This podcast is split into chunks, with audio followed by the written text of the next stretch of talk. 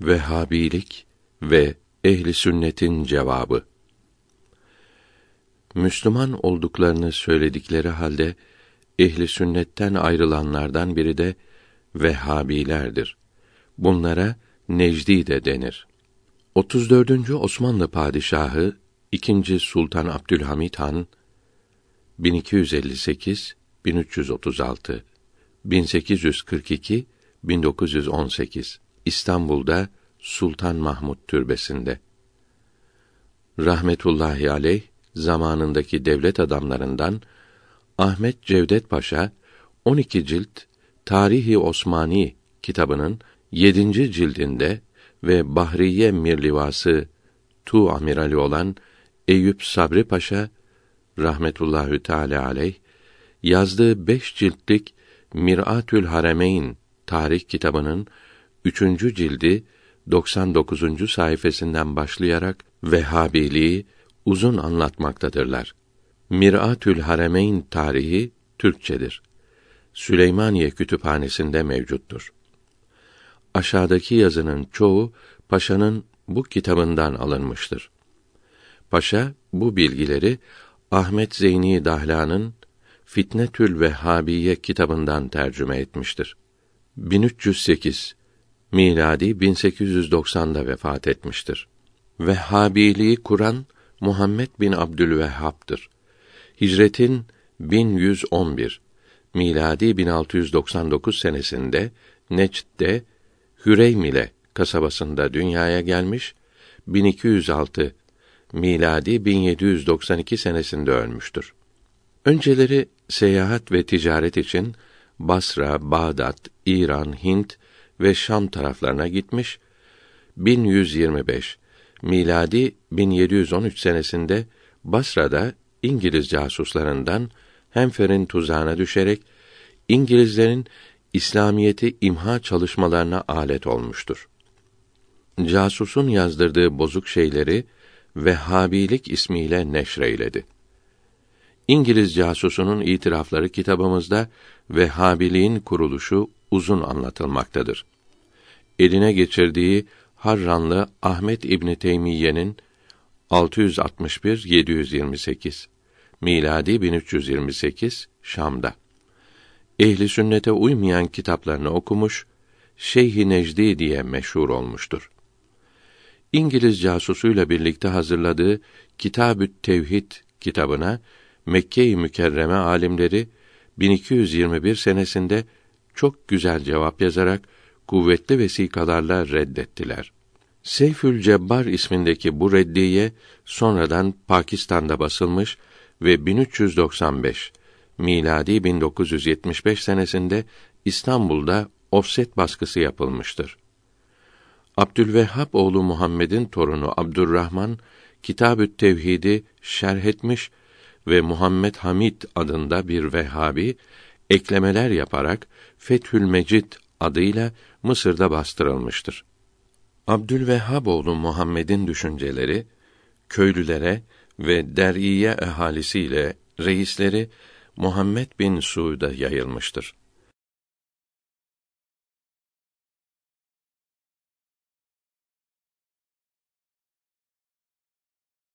Vehhabilik ismini verdiği fikirlerini kabul edenlere Vehhabi ve Necdi denir. Kendini kadi, Suud oğlu Muhammed'i emir ve hakim tanıtmıştır. Kendilerinden sonra hep çocuklarının bu makamlara geçmelerini kabul ettirmiştir.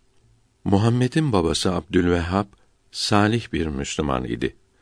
Bu ve Medine'deki alimler Abdülvehhab oğlunun yanlış bir yol tutacağını anlamış, herkese bununla konuşmamalarını nasihat etmişlerdi. Fakat 1150 miladi 1737 senesinde Vehhabiliği ilan etti. Din alimlerinin içtihatlarını kötüledi.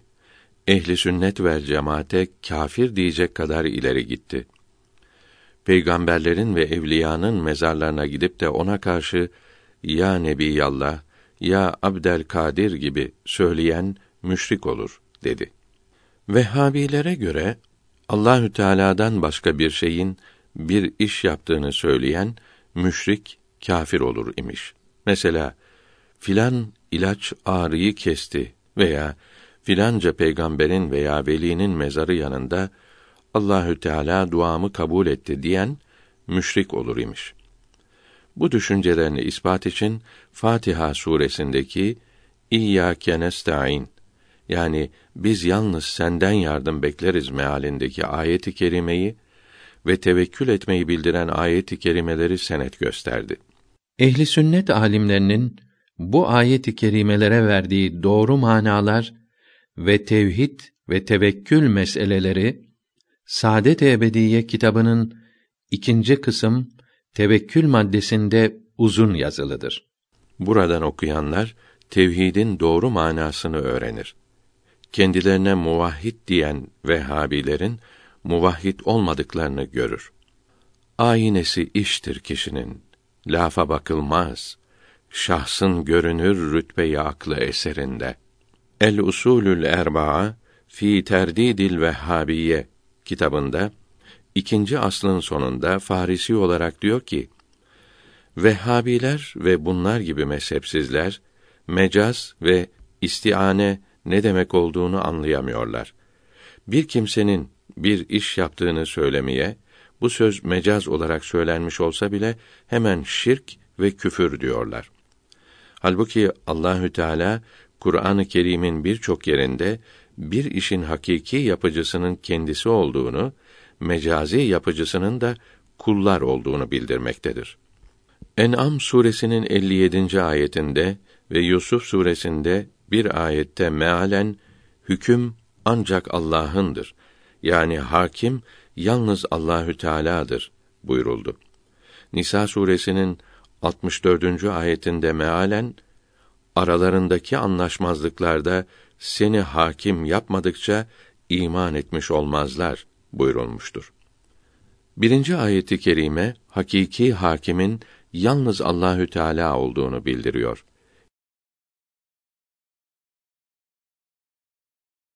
İkinci ayeti kerime ise insana da mecaz olarak hakim denileceğini bildiriyor. Her Müslüman diriltenin ve öldürenin yalnız Allahü Teala olduğunu bilmektedir. Çünkü Yunus suresinin 56. ayetinde mealen dirilten ve öldüren yalnız odur ve Zümer suresinin 42. ayetinde mealen ölüm zamanında insanı Allahü Teala öldürüyor buyuruldu. Secde suresinin 11. ayeti kerimesinde ise mealen mecaz olarak öldürmek için vekil yapılmış olan melek sizi öldürüyor buyuruldu. Maide suresinin 30. ayetinde Adem aleyhisselam'ın oğlu kardeşini öldürdü buyuruyor. Bu ayeti kerime Vehhabileri rezil etmektedir.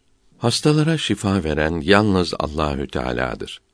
Çünkü Şuara suresinin 80. ayetinde mealen hasta olduğum zaman bana ancak o şifa verir buyuruldu. Ali İmran suresinin 49. ayetinde ise mealen İsa aleyhisselam'ın amanın gözünü açarım ve baras illetini iyi ederim ve Allahü Teala'nın izniyle ölüleri diriltirim dediğini bildirmektedir. Baras, ebreş, vitiligo denilen cilt hastalığıdır. Derinin rengi gider. Büyük beyaz lekeler olur. Yahut albino hastalığıdır. Vücudun tamamı beyazdır. İnsana evlat veren hakikatte Allahü Teala'dır. Cebrail aleyhisselam'ınsa mecaz olarak sana temiz bir oğul veririm dediğini Meryem suresinin 18. ayeti bildirmektedir. İnsanın hakiki sahibi Allahü Teala'dır. Bakara suresinin 257. ayetinin meali şerifi Allahü Teala iman edenlerin velisidir. Bunu açıkça bildiriyor. Maide suresinin 56. ayetinde mealen sizin veliniz Allah'tır ve onun rasulüdür. Ve Ahzab suresinin 6. ayetinde mealen peygamber müminlere kendilerinden daha çok sahiptir buyurarak kulun da mecaz olarak veli olduğu bildirilmektedir. Bunlar gibi hakiki yardımcı Allahü Teala'dır. kullarına da mecaz olarak muin demiştir. Maide suresinin üçüncü ayetinde mealen iyilikte ve takvada birbirinize yardımcı olunuz buyuruldu. Vehhabiler Allah'tan başkasının kulu diyene mesela Abdün Nebi, Abdür Resul diyen Müslümana müşrik diyorlar.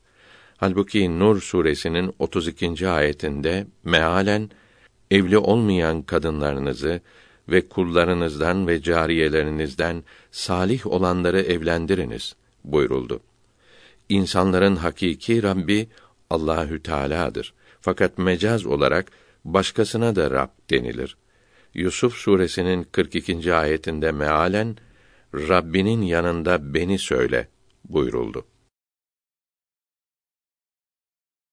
Vehhabilerin en çok takıldıkları şey istigaze kelimesidir. Allah'tan başkasından yardım istemek, ona sığınmak şirktir diyorlar. Evet, hakiki istigaze olunacak yalnız Allahü Teala'dır. Bunu bilmeyen hiçbir Müslüman yoktur. Fakat başkasından da istigaze olunacağını mecaz olarak söylemek caizdir. Çünkü Kasas suresinin 15. ayetinde mealen onun kavminden olan düşmanına karşı ondan istigaze eyledi buyuruldu. Hadis-i şerifte de mahşer yerinde Adem aleyhisselam'dan istigaze edeceklerdir buyuruldu. Hısnül Hasin'de yazılı hadisi i şerifte yardım isteyen kimse ey Allah'ın kulları bize yardım ediniz desin buyuruldu. Bu hadisi şerif yanında olmayan kimseye seslenerek ondan yardım istemeyi emretmektedir. El Usulül Erbaa kitabından tercüme burada tamam oldu. Bu kitap Farisi olup 1346 miladi 1928'de Hindistan'da basılmış, 1395 miladi 1975'te İstanbul'da offset usulüyle ikinci baskısı yapılmıştır. Bu kitabın yazarı İmam-ı Rabbani Hazretlerinin torunlarından Muhammed Hasan Can sahiptir. Rahmetullahi Teala aleyhima. Can sahip Tarikün Necat kitabında da Vehhabilere ve diğer mezhepsizlere kıymetli cevaplar vermektedir. Bu kitabı Arabi olup Urdu diline tercümesiyle birlikte 1350 senesinde Hindistan'da basılmış ve 1396 miladi 1976'da İstanbul'da ofset baskısı yapılmıştır. Dipnot 1 Hasan Can 1349 miladi 1931'de vefat etti. Her kelimenin belli bir manası vardır. Buna hakiki manası denir. Bir kelime kendi hakiki manasında kullanılmayıp da bir bağlantısı, ilişkisi bulunan başka bir manada kullanılınca bu kelimeye mecaz denir. Allahü Teala'ya mahsus olan bir kelime mecaz olarak insanlar için kullanılınca Vehhabiler bunu hakiki manada kullanıldı sanıyorlar. Bunu söyleyene müşrik, kafir diyorlar. Böyle kelimelerin ayet-i kerimelerde ve hadis-i şeriflerde de insanlar için mecaz olarak kullanıldıklarını düşünmüyorlar. Resulullah'tan aleyhisselam ve evliyadan şefaat istemek, istihane etmek yani yardım istemek Allahü Teala'yı bırakmak, onun yaratıcı olduğunu unutmak demek değildir. Bulut vasıtasıyla Allahü Teala'dan yağmur beklemek, ilaç içerek Allahü Teala'dan şifa beklemek, top, bomba, füze, tayyare kullanarak Allahü Teala'dan zafer beklemek hep Allahü Teala'dan istihanedir. Bunlar sebeptir. Allahü Teala her şeyi sebeple yaratmaktadır. Bu sebeplere yapışmak şirk değildir. Peygamberler aleyhisselam hep sebeplere yapıştılar. Allahü Teala'nın yarattığı suyu içmek için çeşmeye, onun yarattığı ekmeği yemek için fırıncıya gidildiği ve Allahü Teala'nın zafer vermesi için harp vasıtaları ve talim terbiye yapıldığı gibi Allahü Teala'nın duayı kabul etmesi için de peygamberin, evliyanın ruhlarına gönül bağlanır. Allahü Teala'nın elektromanyetik dalgalarla yarattığı sesi almak için radyo kullanmak Allahü Teala'yı bırakıp bir kutuya başvurmak değildir. Çünkü radyo kutusundaki aletlere o özellikleri, o kuvvetleri veren Allahü Teala'dır. Allahü Teala her şeyde kendi kudretini gizlemiştir. Müşrik puta tapar. Allahü Teala'yı düşünmez. Müslüman sebepleri, vasıtaları kullanırken sebeplere, mahluklara tesir, hassa veren Allahü Teala'yı düşünür. İstediğini Allahü Teala'dan bekler. Geleni Allahü Teala'dan bilir. Yukarıda yazılı ayet-i kerimenin manası da böyle olduğunu göstermektedir.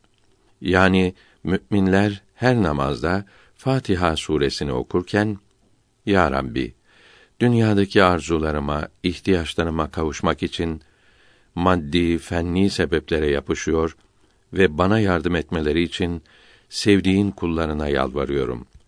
Bunları yaparken ve her zaman dilekleri verenin, yaratanın yalnız sen olduğuna inanıyorum. Yalnız senden bekliyorum demektedir. Her gün böyle söyleyen müminlere müşrik denilemez. Peygamberlerin, velilerin ruhlarından yardım istemek Allahü Teala'nın yarattığı bu sebeplere yapışmaktır. Bunların müşrik olmadıklarını, halis mümin olduklarını Fatiha suresinin bu ayeti açıkça haber vermektedir. Vehhabiler maddi, fenni sebeplere yapışıyor, nefislerinin isteklerine kavuşmak için her vesileye, her çareye başvuruyorlar. Peygamberleri ve evliyayı vesile edinmeye niçin şirk diyorlar? Abdülvehhab oğlunun sözleri nefse uygun geldiğinden din bilgisi olmayanlar kolay inandı. Ehli sünnet alimlerine, doğru yoldaki Müslümanlara kafir dediler. Emirler kuvvetlenmek için Vehhabiliği uygun buldular. Arap kabilelerini Vehhabi olmaya zorladılar. İnanmayanları öldürdüler. Köylüler ölüm korkusuyla Der'iye emiri Muhammed bin Suud'un emrine girdi. Vehhabi olmayanların mallarına, canlarına, ırzlarına, kadınlarına saldırmak için emire asker olmak işlerine iyi geldi. Abdülvehhab oğlu Muhammed'in kardeşi Şeyh Süleyman Efendi ehli sünnet alimiydi. Vehhabiliği reddeden Sevaikül İlahiye fir reddi alel Vehhabiye kitabını yazarak bu sapık fikirlerin yayılmasını önledi. Bu kıymetli kitap 1306 senesinde basılmış, 1395 miladi 1975'te İstanbul'da ofset baskısı yapılmıştır. Muhammed'in yanlış bir çığır açtığını anlayan hocaları da onun bozuk kitaplarına güzel cevaplar yazdılar. Onun doğru yoldan saptığını açıkladılar. Vehhabilerin ayet-i kerimelere ve hadis-i şeriflere yanlış mana verdiklerini ispat ettiler. Fakat bunların hepsi köylülerin ehli imana karşı olan kinlerini, düşmanlıklarını arttırdı. Vehhabilik cahiller tarafından ilm ile değil İngiliz parası ve silahlarıyla ve zulmederek, kan dökerek yayıldı. Bu yolda ellerini kana bulayan zalimlerin en taş yüreklisi Der'iye emiri Muhammed bin Suud idi. Bu adam Beni Hanife kabilesinden olup Müseylemetül Kezzab'ın peygamberliğine inanan ahmakların soyundan idi. 1178 miladi 1765'te öldü. Yerine oğlu Abdülaziz geçti. Bu da 1217'de bir Şii tarafından öldürüldü. Yerine oğlu ikinci Suud geçti ve 1231'de öldü.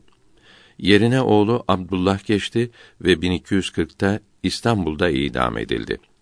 Yerine Abdülaziz'in torunlarından Terki bin Abdullah geçti. 1254'te bunun oğlu Faysal geçti. 1282'de oğlu Abdullah emir yapıldı. Bunun kardeşi Abdurrahman'la oğlu Abdülaziz Kuveyt'e yerleşti. Abdülaziz 1319 miladi 1901'de Riyad'a gelip emir oldu. İngilizlerin yardımıyla Mekke'ye saldırdı. 1351 miladi 1932'de Suudi Arabistan devletini ilan etti. Suudi Arabistan emiri Faht'ın Afganistan'daki ehli sünnet mücahitleriyle harp etmekte olan Rus kâfirlerine 4 milyar dolar yardım yaptığını 1991 tarihli gazetelerde okuduk. Vehhabiler Allah'ın birliğinde halis olmak, küfürden kurtulmak yolundaymış. Bütün Müslümanlar 600 seneden beri şirk içindeymiş. Müslümanları şirkten, küfürden kurtarmaya çalışıyorlarmış. Kendilerini haklı göstermek için Ahkaf suresinin 5. ve Yunus suresinin 106. ayeti kerimelerini de ileri sürüyorlar. Halbuki bunlar gibi ayeti kerimelerin müşrikler için gelmiş olduğunu tefsirler bildirmektedir. Bu ayeti kerimelerin birincisinde mealen Allahü Teala'yı bırakıp da kıyamete kadar hiç işitmeyen şeylere dua eden kimseden daha sapık kimse yoktur. İkincisinde mealen Mekke müşriklerine söyle. Bana emrolundu ki Allahü Teala'dan başka şeylere, faydası ve zararı olmayan şeylere dua etme. Eğer Allahü Teala'dan başkasına dua edersen kendine zulmetmiş, zarar etmiş olursun buyuruldu. Vehhabilerin Keşfü Şübühat kitabı Zümer suresinin üçüncü ayetini de ele alıyor. Bu ayette mealen Allah'tan başkasını veli edinenler biz bunlara tapınıyor isek bizi Allah'a yaklaştırmaları için, bize şefaat etmeleri için tapınıyoruz derler buyurulduğunu yazıyor. Bu ayeti kerime putlara tapan müşriklerin sözlerini bildirmektedir. Şefaat isteyen müminleri bu müşriklere benzetiyor. Müşrikler de putların yaratıcı olmadığını, yaratıcı yalnız Allahü Teala olduğunu söylerdi diyor. Ruhül Beyan'da bu ayeti kerimenin tefsirinde diyor ki: İnsan kendisinin ve her şeyin yaratıcısını tanımaya elverişli olarak yaratılmıştır. Yaratıcısına ibadet etmek ve ona yaklaşmak arzusu her insanda vardır. Fakat böyle elverişli yaratılmış olmanın ve bu isteğin kıymeti yoktur. Çünkü nefis, şeytan ve kötü arkadaş insanı aldatarak yaratılışındaki bu arzuyu yok eder, ya yaratana ve kıyamet gününe inanmaz olur, komünistler ve masonlar böyledir, yahut müşrik yapar. Müşrik Allahü Teala'ya yaklaşamaz, onu tanıyamaz.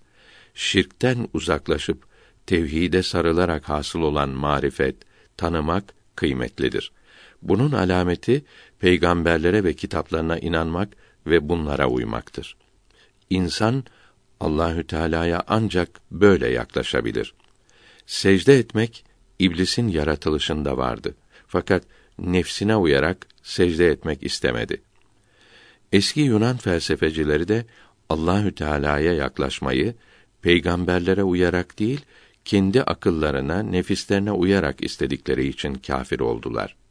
Müminler Allahü Teala'ya yaklaşmak için İslamiyete uyuyor. Kalpleri nur ile doluyor. Ruhlarına cemal sıfatları tecelli ediyor. Müşrikler Allahü Teala'ya yaklaşmak için peygambere, İslamiyete uymuyorlar. Nefislerine, noksan olan akıllarına, bid'atlere uyuyorlar. Kalpleri kararıyor, ruhları perdeleniyor. Putlara bize şefaat etmeleri için tapınıyoruz demelerinin yanlış olduğunu Allahü Teala bu ayetin sonunda haber veriyor. Görülüyor ki Lokman suresinin 25. ayetinde mealen kâfirlere sorarsan yeri ve gökleri kim yarattı dersen elbette Allah yarattı derler.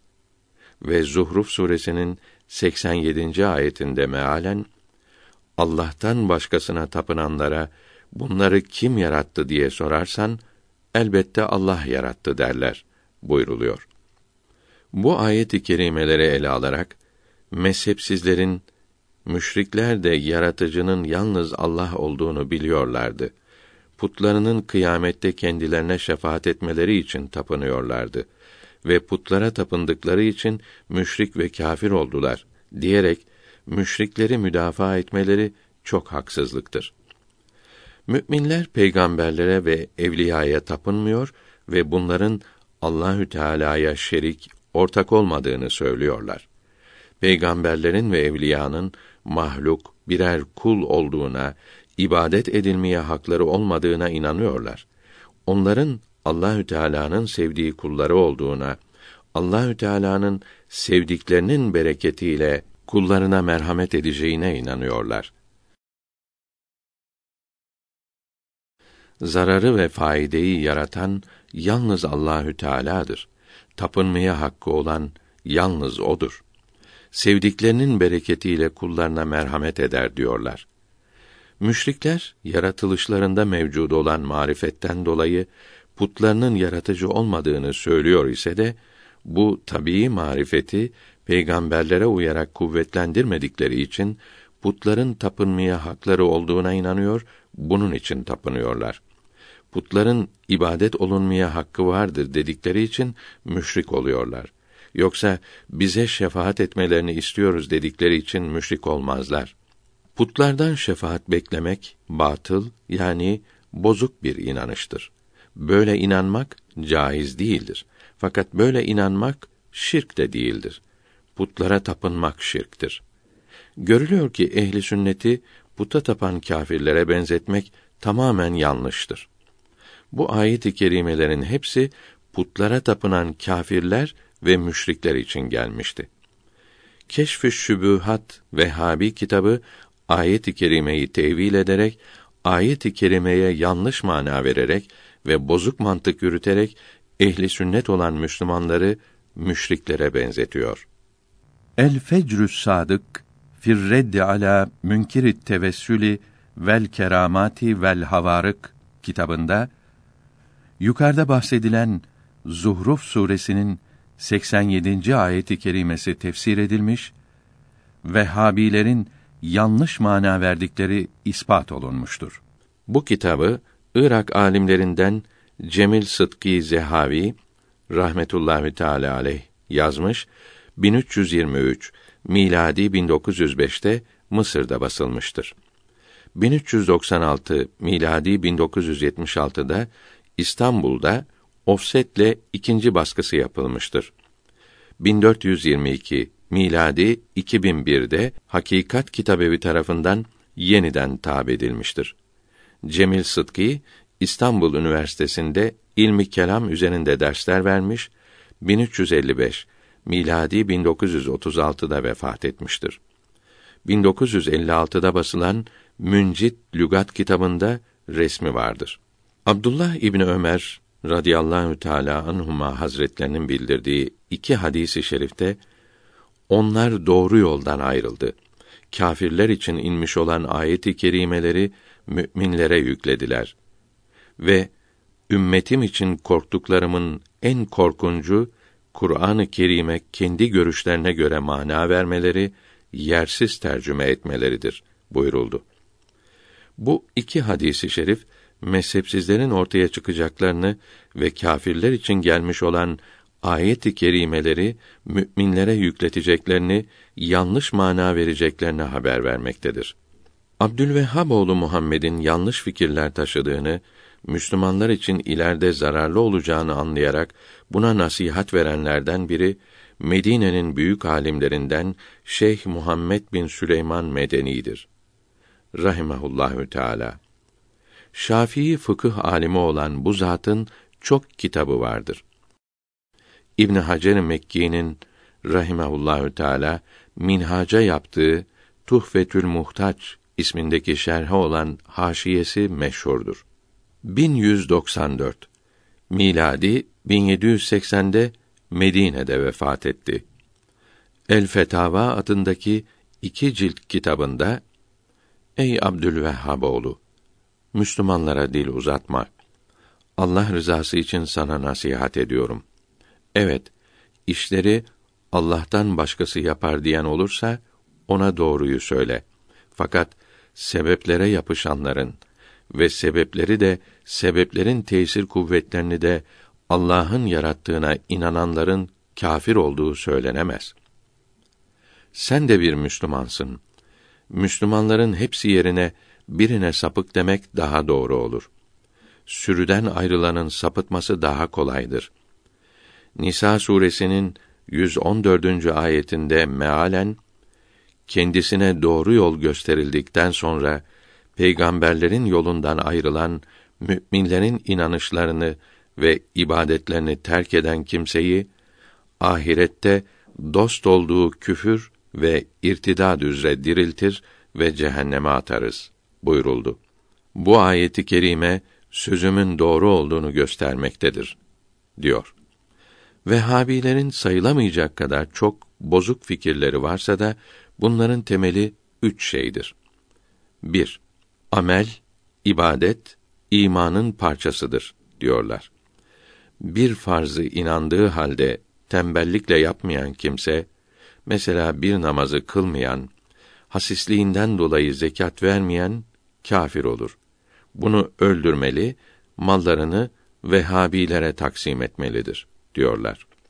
Milal ve Nihal tercümesi 63. sayfede diyor ki: Ehli sünnet alimleri söz birliğiyle dediler ki ibadetler imana dahil değildir.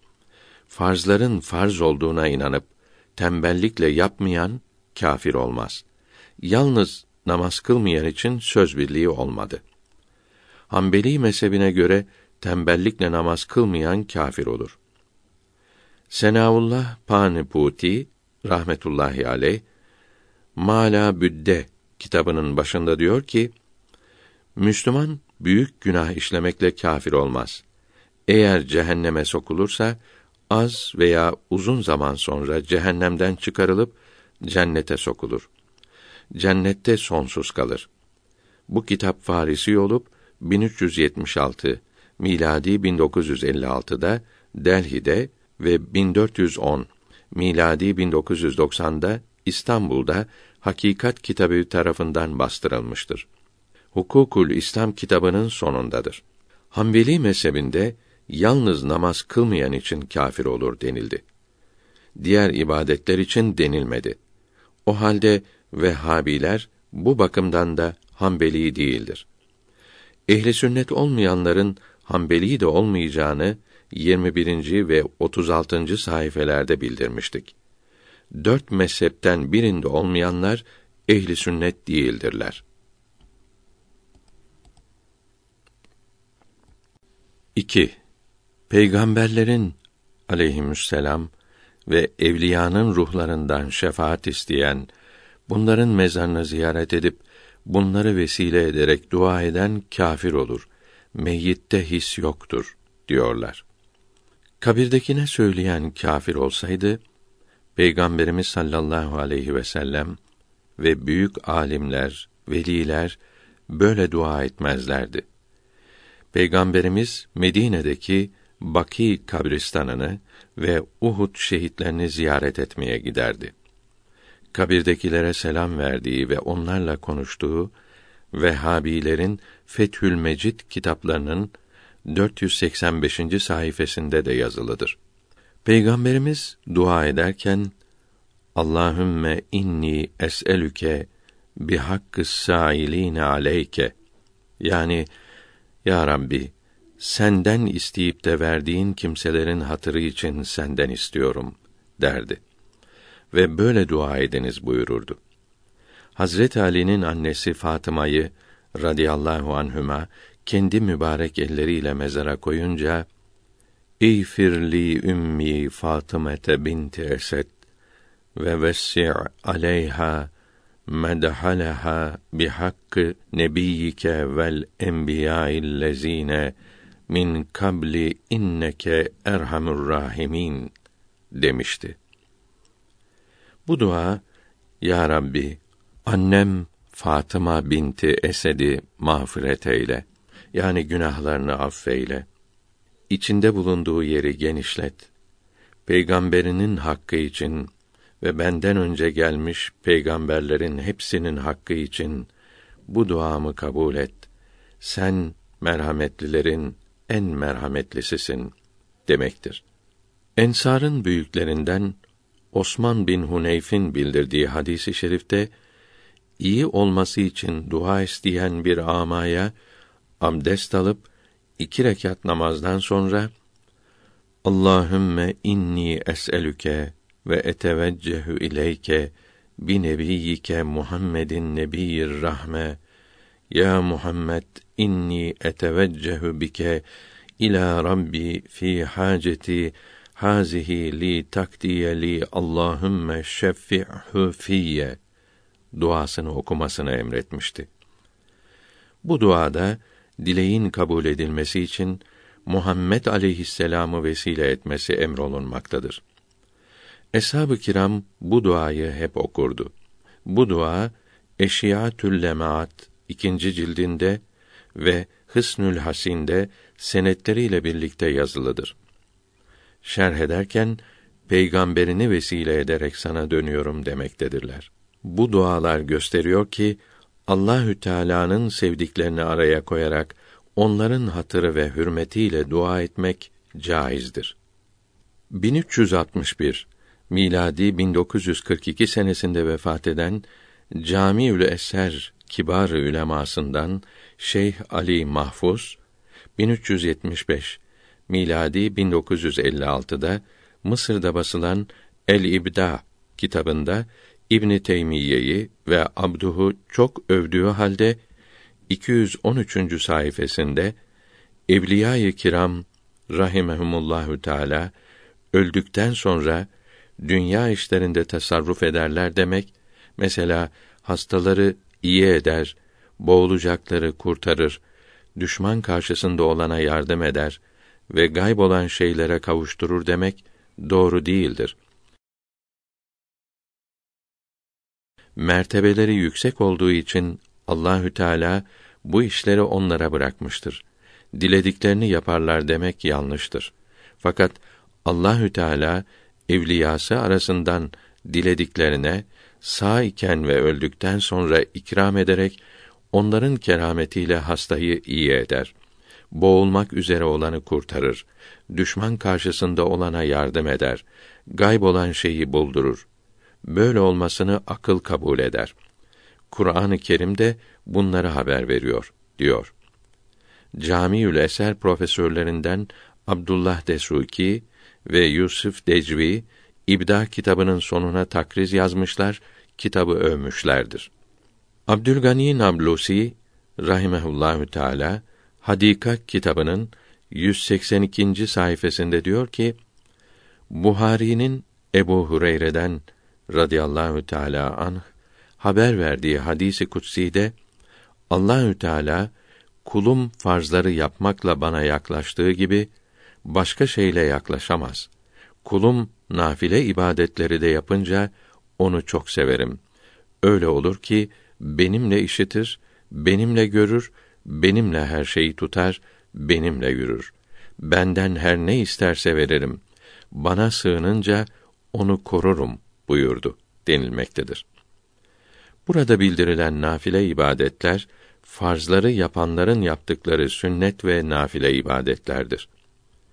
Böyle olduğunu Merakül Felah ve bunun Tahtavi haşiyesi de açık yazmaktadır. Bu hadisi şerif gösteriyor ki farzları yaptıktan sonra nafile ibadetleri de yapan Allahü Teala'nın sevgisini kazanır ve duaları kabul olur. Bunların diriyken de öldükten sonra da dua ettikleri kimseler muratlarına kavuşur.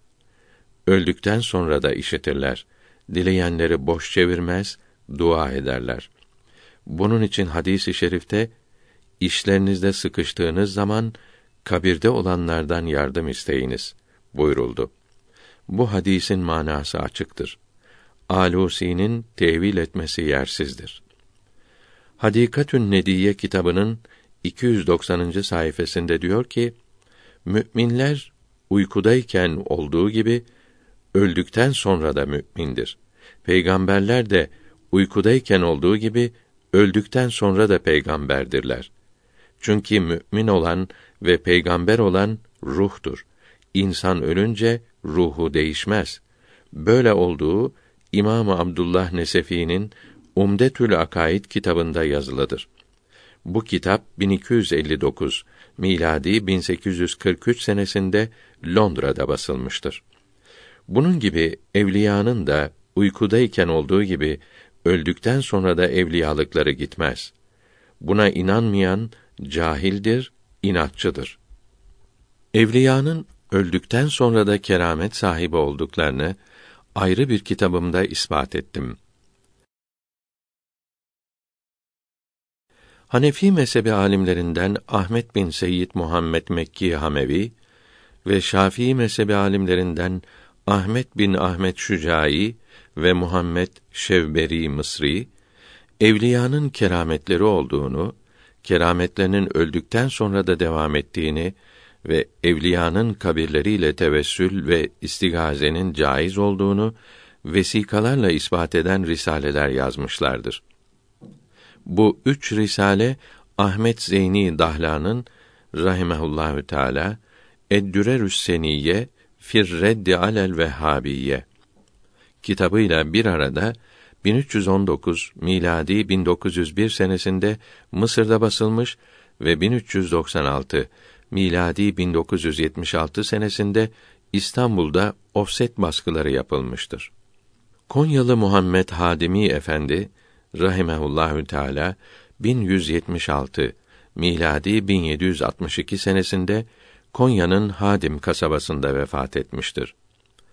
Berika kitabının 269. sayfasında diyor ki: Evliyanın keramet göstermesi haktır, doğrudur. Veli Allahü Teala'ya ve sıfatlarına mümkün olduğu kadar arif olan Müslüman demektir. Taatleri, ibadetleri çok yapar. Günahlardan ve nefsine, şehvetlerine uymaktan çok sakınır. Allahü Teala'nın adetinin ve fen kanunlarının dışında olarak yarattığı şeylere harikulade şeyler denir. Harikulade şeyler sekizdir. Mucize, keramet, ianet, ihanet, sihr, iptila, isabete ayn yani nazar değmesi ve irhas. Keramet mütteki, arife billah olan bir müminin elinde hasıl olan harikulade şey demektir. Bu kimse velidir.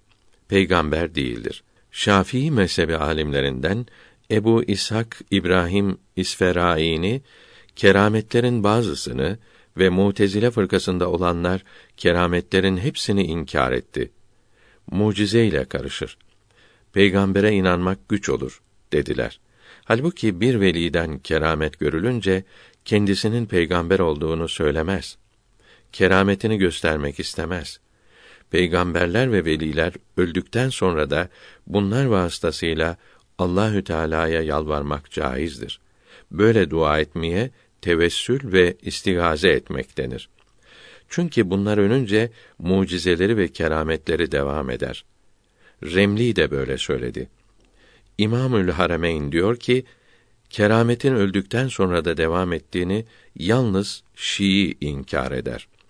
Mısır'daki Maliki mezhebinin büyüklerinden Ali Echuri diyor ki, veli dünyadayken kınındaki kılınç gibidir. Ölünce kınından çıkan kılınç gibi olup tasarrufu, tesiri kuvvetlenir. Bu sözü Ebu Ali Senci de Nurul Hidaye kitabında yazmaktadır. Kerametin hak olduğu kitap ile, sünnet ile ve icma-i ümmet ile sabittir. Evliyanın yüzlerce, binlerce kerametleri kıymetli kitaplarda bildirildi. Berika'dan tercüme tamam oldu. Mirat-ı Medine kitabının 106. sayfasından başlayarak diyor ki: Hadis alimlerinden İbn Huzeyme ve Dâr-ı ve Taberani'nin Abdullah bin Ömer'den bildirdikleri sahih hadiste kabrimi ziyaret edene şefaatim vacip oldu buyuruldu. Bu hadisi şerif İmam-ı Münavi'nin Kunûzü Dekaik kitabında da vardır. Ayrıca İbn Hibban'ın haber verdiği vefatımdan sonra kabrimi ziyaret eden hayatımda ziyaret etmiş gibidir. Hadisi şerifini ve Taberani'nin bildirdiği kabrimi ziyaret edene şefaat edeceğim. Hadisi şerifini yazmaktadır. İmamı Bezzar'ın Abdullah İbni Ömer'den haber verdiği kabrimi ziyaret edene şefaatim helal oldu. Hadisi şerifi ve Müslim-i Şerif'te Abdullah İbni Ömer'in bildirdiği beni ziyaret için Medine-i Münevvere'ye gelenlere kıyamet günü şefaat etmekliyim hak oldu. Merfu hadisi şerifini her Müslüman bilmektedir. Taberani'nin ve Dar-ı Kutni'nin ve İbnül Cevzi'nin haber verdikleri hac eden sonra kabrimi ziyaret eden beni sağ iken ziyaret etmiş gibi olur. Hadisi şerifi büyük müjdedir. Dar-ı Kutni'nin bildirdiği hac eden kimse beni ziyaret etmezse beni üzmüş olur. Hadisi şerifi hac edip de özrü olmadığı halde kabri saadeti ziyaret etmeyenleri bildirmektedir. Medine-i Münevvere İslam Üniversitesi rektörü Abdülaziz Tahkik ve İzah isimli kitabında ziyaret etmeyi teşvik eden yukarıdaki hadis-i şeriflerin hiçbirinin senedi delili olmadığını yazıyor. Hepsinin mevdu olduğunu Şeyhülislam İbn Teymiye bildirdi diyor. Halbuki Zerkani'nin Mevahip şerhinin 8. cildinde ve Semhudi'nin Vefaül Vefasının dördüncü cildi sonunda bu hadisi şeriflerin kaynakları uzun yazılı olup hasen hadis oldukları bildirilmiş. İbn Teymiye'nin bu sözü mevdudur denilmiştir. Medine Üniversitesi'nin Vehhabi olan rektörü ve hocaları böylece ehli sünnet alimlerinin yazılarına gölge düşürmeye çalışmakta, kendi inançlarını kitaplarıyla dünyaya yaymaktadırlar. Dünyadaki bütün milletleri yani hem Müslümanları hem de başkalarını aldatmak, kendilerini hakiki Müslüman tanıtmak için yeni bir siyaset kullanıyorlar. Rabıta Tül Alemil İslam isminde bir İslam merkezi kurdular. Her memleketteki Müslümanlar arasından cahil, kiralık din adamlarını seçerek burada topladılar. Her birine yüzlerce altın maaş veriyorlar. Ehli sünnet alimlerinin kitaplarından haberi olmayan bu cahil din adamlarını kukla gibi kullanıyorlar. Kendi inançlarını bu merkezlerden bütün dünyaya yayarak bunlara Dünya İslam Birliği'nin fetvaları diyorlar. 1395 miladi 1975 Ramazan-ı Şerif ayında çıkardıkları böyle uydurma fetvalarında kadınlara cuma namazı kılmak farzdır. Cuma ve bayram hutbeleri her memlekette kendi dilleriyle okunur dediler. Mekke'deki bu fitne ve fesat ocağına üye olan Mevdudi'nin adamlarından Sabri ismindeki bir sapık bu fetvayı hemen Hindistan'a getiriyor. Hindistan'daki bol aylıklı, apartmanlı cahiller kadınları zorla camilere sürüklediler. Çeşitli dillerle hutbe okumaya başladılar. Hindistan'daki ehli sünnet alimleri, hakiki din adamları rahimehumullahu teala bu hareketi önlemek için kıymetli kaynaklardan fetvalar hazırlayıp yaydılar. Vehhabiler bu ilmi yazılara cevap veremeyip hak sözün karşısında duramadılar. Hindistan'ın güneyindeki Kerala bölgesinde yüzlerce din adamı aldanmış olduklarını anlayarak tövbe ettiler. Tekrar ehli sünnet saflarına katıldılar. Ehli sünnet alimlerinin sağlam kaynaklara dayanan bu kıymetli fetvalarından dört adedi ofset yoluyla bastırılarak bütün İslam memleketlerine gönderildi. Her yerdeki hakiki din adamları buna karşı Müslümanları uyandırmakta, İslamiyeti içerden yıkan, parçalayan felaket ateşini söndürmeye çalışmaktadırlar. Elhamdülillah ki dünyanın her yerinde temiz ruhlu, uyanık gençler hakkı batıldan ayırmaktadırlar. İbn Abidin rahimehullahü teala cuma hutbesini ve iftitah tekbirini ve namaz içinde duayı anlatırken buyuruyor ki: Hutbeyi Arabiden başka lisan ile okumak, namaza dururken başka dil ile iftitah tekbirini söylemek gibidir. Bu da namazdaki diğer zikirler gibidir. Namaz içindeki zikirleri ve duaları Arabiden başka dil ile söylemekse tahrimen mekruhtur. Hazreti Ömer yasak etmiştir. Namazın vaciplerini anlatırken diyor ki, tahrimen mekruh işlemek büyük günah olur. Buna devam edenin adaleti gider. Tahtavi de diyor ki, küçük günaha devam eden fasık olur. fasık olan veya bid'at işleyen imamların arkasında namaz kılmamalı, başka camide kılmalıdır. Eshab-ı kiram ve tabiini izam rahimehumullahü teala Asya'da ve Afrika'da hutbelerin tamamını hep Arabi okudu. Çünkü hutbenin hepsini veya bir kısmını başka dil ile okumak mekruh ve bid'at olur. Bid'at ise büyük günahtır. Halbuki dinleyenler Arabi bilmiyorlar, hutbeleri anlayamıyorlardı. Din bilgileri de yoktu. Onlara öğretmek lazım idi. Fakat yine hutbenin hepsini Arabi okudular. Bunun için Osmanlı İmparatorluğundaki Şeyhülislam efendiler ve dünyada meşhur olan büyük İslam alimleri 600 seneden beri hutbeleri Türkçede okutarak cemaatin anlamasını çok istedilerse de caiz olmayacağını bildikleri için buna izin veremediler. İmamı Beyheki'nin Ebu Hureyre'den radıyallahu anh haber verdiği hadisi i şerifte bir kimse bana selam verince Allahü Teala ruhumu cesedime verir. Onun selamını işitirim buyuruldu. İmamı Beyheki rahimehullahü teala bu hadisi şerife dayanarak peygamberler aleyhisselam kabirlerinde bizim bilmediğimiz bir hayatla diridirler demiştir. Medine'deki Vehhabi Abdülaziz bin Abdullah da El Hac vel Umre kitabının 66. sayfasında bu hadisi şerifi yazıp bu hadis onun meyyit olduğunu gösteriyor diyor. Aynı sayfede kabrinde bilinmeyen bir hayat ile diridir de diyor. Sözleri birbirini tutmuyor. Halbuki bu hadisi şerif mübarek ruhunun geldiğini, selamlara cevap verdiğini bildiriyor. Yine bu kitabının 73. sayfasında yazdığı iki hadisi şerifte kabir ziyaret ederken Esselamu aleyküm ehlel diyar minel müminin denilmesi emir buyurulmaktadır. Bu hadisi şerifler bütün Müslümanların kabirlerine selam verileceğini emrediyor.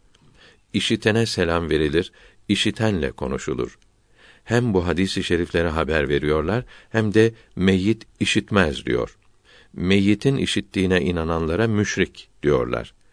Ayet-i kerimeleri ve hadis-i şerifleri yanlış tevil ediyorlar. Rasulullah'ın kabrinde bilinmeyen bir hayat ile diri olduğunu bildiren çok hadisi şerif vardır. Kabrim başında söylenen salavatı işitirim. Uzaktan söylenen salavat bana bildirilir. Ve bir kimse kabrim başında bana salavat okursa Allahü Teala bir melek gönderip bu salavatı bana bildirir. Kıyamet günü ona şefaat ederim. Hadisi şerifleri meşhur altı kitapta yazılıdır. Bir Müslüman dünyadayken tanıdığı bir Müslümanın kabri yanına gidip selam verse, kabirdeki kimse selam vereni tanır ve cevap verir. İbni Ebi Dünya'nın haber verdiği hadisi i şerifte Müslüman meyyitin selam vereni tanıdığı ve sevindiği ve cevap verdiği haber verilmektedir. Tanımadığı mevtalara selam verirse selama sevinerek cevap verirler. Salihler ve şehitler rahimehumullahü teala selam vereni tanır ve cevabını verir de Rasulullah sallallahu aleyhi ve sellem tanımaz olur mu? Gökte güneş her tarafa ışık saldığı gibi Rasulullah sallallahu aleyhi ve sellem de bir anda her yerde söylenen selamlara o anda cevap verir. Bir hadisi şerifte vefatımdan sonra da diriyken olduğu gibi işitirim. Ve Ebu Yala'nın bildirdiği hadisi şerifte peygamberler aleyhisselam kabirlerinde diridir. Namaz kılarlar buyuruldu. İbrahim bin Bişar ve Seyyid Ahmet Rıfai ve daha nice veliler Resulullah'a verdikleri selamın cevabını işitmişlerdir. Celaleddin Suyuti Hazretlerine Seyyid Ahmet Rıfai'nin Resulullah'ın mübarek elini öpmüş olduğu doğru mudur? dediklerinde cevap olarak Şerefül Muhkem adında bir kitap yazmıştır. Bu kitabında Resulullah sallallahu aleyhi ve sellem efendimizin kabri saadetlerinde bilinmeyen bir hayatla diri olduğunu ve selamları işitip cevap verdiğini akli ve nakli delillerle ispat etmiştir. Miraç gecesi Rasulullah'ın Musa aleyhisselamı kabrinde namaz kılarken gördüğünü de bu kitabında bildirmiştir. Ayşe-i Sıddıka'nın radıyallahu anha haber verdiği bir hadisi şerifte Hayber'de yediğim zehirli etin acısını duymaktayım. O zehrin tesiriyle ebeher, avort damarım şimdi çalışmayacak hale geldi buyuruldu. Allahü Teala'nın insanların en üstünü olan Muhammed aleyhisselama peygamberlikle birlikte şehitlik derecesini de vermiş olduğunu bu hadisi şerif göstermektedir. Ali İmran suresinin 169. ayetinde mealen Allah yolunda öldürülenleri ölü sanmayınız. Onlar Rablerinin yanında diridirler, rızıklandırılmaktadırlar buyuruldu. Allah yolunda zehir yedirilen o büyük peygamberin bu ayet-i kerimede bildirilen şerefli derecenin en üstünde bulunduğu şüphesizdir. İbn Hibban'ın bildirdiği hadisi şerifte peygamberlerin aleyhisselam mübarek vücutları çürümez. Bir mümin bana salavat okursa bir melek o salavatı bana getirip ümmetinden falan oğlu filan sana salavat ve selam söyledi der buyuruldu. İbn Mace'nin bildirdiği hadisi şerifte cuma günleri bana çok salavat getirin. Okunan salavat bana hemen bildirilir buyuruldu. Bunu işitenlerden Ebu Derda radıyallahu teala anh öldükten sonra da bildirilir mi dedik de evet ben öldükten sonra da bildirilir. Çünkü toprağın peygamberleri çürütmesi haram kılındı. Onlar öldükten sonra diridirler, rızıklandırılırlar buyuruldu. Bu hadisi şerif Senaullah Paniputi'nin Teskiretül Mevta vel Kubur kitabının sonunda da yazılıdır. Bu kitap Farisi olup 1310 miladi 1892'de Delhi'de ve 1990'da Hakikat Kitabevi tarafından İstanbul'da bastırılmıştır. Hazret Ömer radıyallahu anh Kudüs-i Şerif'i kâfirlerden aldıktan sonra doğru hücre-i saadete gidip kabri nebeviyi ziyaret etti ve selam verdi. Evliyanın büyüklerinden olan Ömer bin Abdülaziz Hazretleri Şam'dan Medine'ye memur gönderip kabri saadete salat ve selam okuturdu. Abdullah İbni Ömer Hazretleri yolculuktan döndüğü zaman doğruca hücre-i saadete girer, önce Resulullah'ı, sonra Ebu Bekr Sıddık'ı, en sonra da babasını ziyaret edip selam verirdi.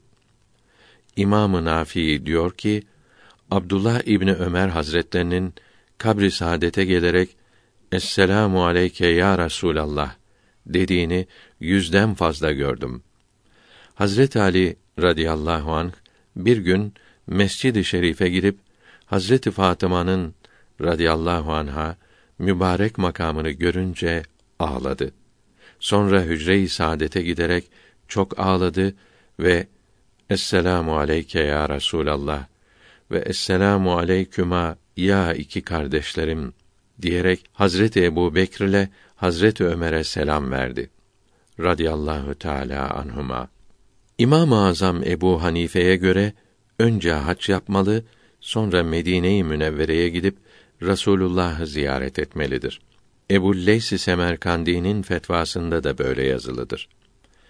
Şifa kitabının sahibi Kadi İyad ve Şafii alimlerinden İmam-ı Nevevi ve Hanefi alimlerinden İbni Hümam rahimehumullahü teala kabri saadeti ziyaret lazım olduğuna icma-ı ümmet hasıl olmuştur dediler. Bazı alimlerse vaciptir dedi. Zaten kabir ziyaretinin sünnet olduğunu Vehhabilerin Fethül Mecid kitabı da yazıyor.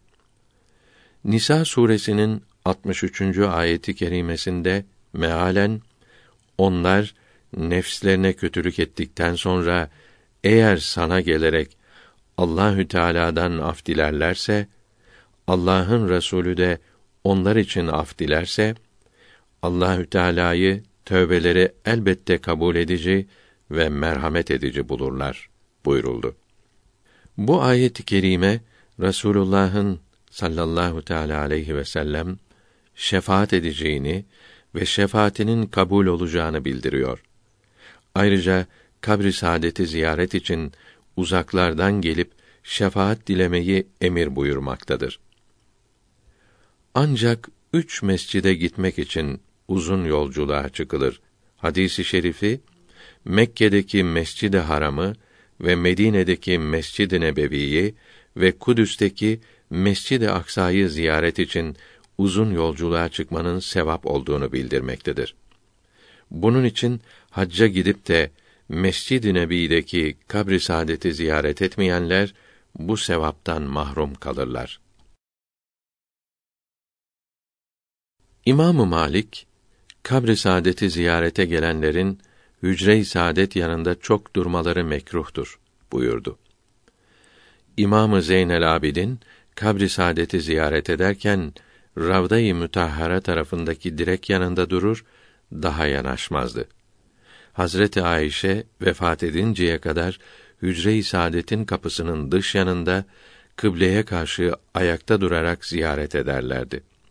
Hadis alimlerinden Abdülazim Münziri Hazretleri kabrimi bayram yapmayın hadisi şerifine mana verirken kabrimi bayram gibi yılda bir ziyaret etmekle bırakmayın. Her zaman ziyaret etmeye gayret edin demektir buyurdu. Evlerinizi mezarlık yapmayın hadisi şerifi de evlerinizi namaz kılmamakla kabirlere benzetmeyin demek olduğu için Münziri'nin verdiği mananın doğru olduğu anlaşılmaktadır. Çünkü kabristanda namaz kılmak caiz değildir. Hadis-i şerifin manası kabrimi ziyaret için bayram gibi belli gün tayin etmeyin demekte olabilir denildi. Yahudiler ve Hristiyanlar peygamberlerinin mezarlarını ziyaret için toplanıp çalgı çalar, şarkı söyler, bayram yaparlardı. Siz böyle yapmayın. Ziyaret için bayramda haram şeylerle eğlenir gibi ney, dümbelek çalmayın. Toplanıp merasim yapmayın demektir. Ziyaret için gelip selam vermeli, dua etmeli, fazla durmamalıdır. İmam-ı Azam Ebu Hanife rahimehullahü teala buyurdu ki: Kabri saadeti ziyaret etmek sünnetlerin en kıymetlisidir. Vacip diyen alimler de vardır. Bunun için Şafii mezhebinde kabri saadeti ziyaret etmek nezrolunur. Mirat-ı Medine'nin 1282. sayfasından başlayarak diyor ki: Allahü Teala seni yaratmasaydım hiçbir şeyi yaratmazdım buyurarak Muhammed aleyhisselam'ın Habibullah olduğunu, onu çok sevdiğini bildiriyor. Bu hadisi kutsi İmam-ı Rabbani rahimehullahü teala mektubatının üçüncü cildinin 122. mektubunda da yazılıdır. Aşağı bir insan bile sevgilisinin hatırı için istenileni boş çevirmez. Aşıka maşukunun hatırı için iş gördürmek kolaydır. Bir kimse ya Rabbi Habibin Muhammed aleyhisselam hatırı için senden istiyorum dese bu isteği reddolunmaz. Fakat değeri olmayan dünyalık işler için Resulullah'ın sallallahu teala aleyhi ve sellem hatırını, hürmetini vesile etmek layık değildir. İmam-ı Azam Ebu Hanife rahimehullahü teala buyurdu ki: Medine'deydim. Salihlerden Şeyh Eyyubi Sahtiyani Mescid-i Şerif'e girdi.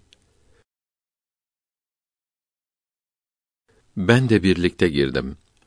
Şeyh Hazretleri kabri nebeviye karşı dönerek ve kıbleyi arkada bırakarak durdu. Sonra dışarı çıktı. İbn Cemaa Hazretleri Mensek-i Kebir adındaki kitabında diyor ki: Ziyaret ederken minber yanında iki rekat namaz kılıp duadan sonra hücre-i saadetin kıble tarafına gelmeli, mübarek başını sol tarafa alıp Merkad-ı Şerif divarından iki metre kadar uzak durmalı, sonra yavaş yavaş kıble duvarını arkaya alıp muvacehe-i saadete karşı döndükte selam vermelidir. Bütün mezheplerde de böyledir. Hadikada dil afetlerinin 23.sünü anlatırken diyor ki: Dua ederken peygamberlerin hakkı için veya diri yahut ölü olan bir velinin hakkı için diyerek Allah'tan bir şey istemek tahrimen mekruhtur. Yani Allahü Teala hiç kimsenin istediğini yapmaya mecbur değildir. Çünkü Allahü Teala'da hiçbir mahlukun hakkı yoktur denildi. Evet, öyledir. Fakat Allahü Teala sevdiği kullarına söz vererek kendinde onlar için hak tanımıştır. Yani dileklerini kabul edecektir. Kullarına kendinde hak ihsan ettiğini Kur'an-ı Kerim'de bildirmiştir. Mesela bir ayet-i kerimede mealen müminlere yardım etmek üzerimize hak oldu buyuruldu. Bezzaziye fetvasında diyor ki, ölü veya diri olan bir velinin veya bir nebinin ismini söyleyerek bunun hürmeti için dilekte bulunmak caizdir. Şir'a şerhinde peygamberlerini ve salih kullarını vesile ederek dua etmelidir. Hısnül Hasin'de de böyle yazılıdır demektedir. Görülüyor ki İslam alimleri Allahü Teala'nın sevdiklerine verdiği hak ve hürmet için Allahü Teala'ya dua etmek caizdir dediler. Kulların Allahü Teala üzerinde hakları vardır sanıp bu hakları için istemek şirk olur diyen hiçbir alim yoktur. Bunu yalnız Vehhabiler söylemektedir. Fethül Mecid kitabında Bezzaziye fetvasını övdükleri, bunun fetvalarını vesika olarak ileri sürdükleri halde burada ona da karşı gelmektedirler. Berikada yine dil afetlerini açıklarken diyor ki: Peygamberin velinin hakkı için demek onun nübüvveti haktır, vilayeti haktır demek olur. Peygamberimiz de bu niyetle peygamberin Muhammed hakkı için demiş ve harplerde Allahü Teala'dan muhacirlerin fukarası hakkı için yardım dilemiştir. İslam alimlerinden senden istedikleri zaman verdiğin kimseler hakkı için ve Muhammed Gazali'nin hakkı için gibi dualar yapanlar ve kitaplarına yazanlar çok olmuştur. Hısnül Hasin kitabı böyle dualarla doludur. Ruhul Beyan tefsirinde Maide suresinin 18. ayetinde diyor ki: Ömerül Faruk'un radıyallahu anh haber verdiği hadisi i şerifte Adem aleyhisselam yanıldığı zaman ya Rabbi Muhammed aleyhisselam hakkı için beni affet dedi. Allahü Teala da Muhammed'i daha yaratmadım. Onu nasıl tanıdın dedi. Ya Rabbi, beni yaratıp ruhundan bana ihsan edince başımı kaldırdım. Arşın eteklerinde La ilahe illallah Muhammedun Resulullah yazılmış olduğunu gördüm. Sen isminin yanına en çok sevdiğinin ismini yazarsın. Bunu düşünerek onu çok sevdiğini anladım dedi. Allahü Teala da buna karşılık ey Adem doğru söyledin. Mahluklarımın içinde en çok sevdiğim odur. Onun için seni affeyledim. Muhammed olmasaydı seni yaratmazdım dedi buyuruldu. Bu hadisi şerif İmamı Beyheki'nin Delail kitabında yazılıdır. Alusi'nin Galiye kitabında da yazılıdır. Fethül Mecid kitabının 259. sayfasında İmamı Zeynel Abidin Ali rahimehullahü teala hazretlerinin bir kimsenin Resulullah'ın kabri yanına gelip dua ettiğini görünce buna mani olduğunu ve bana salat okuyunuz. Her nerede olursanız verdiğiniz selam bana ulaştırılır hadisini okuduğunu yazıyor. Hadiseyi yanlış anlatarak buradan anlaşılıyor ki dua ve salat okumak için kabir yanına gitmek yasak edilmiştir. Bu kabri bayram yeri yapmanın bir kısmıdır.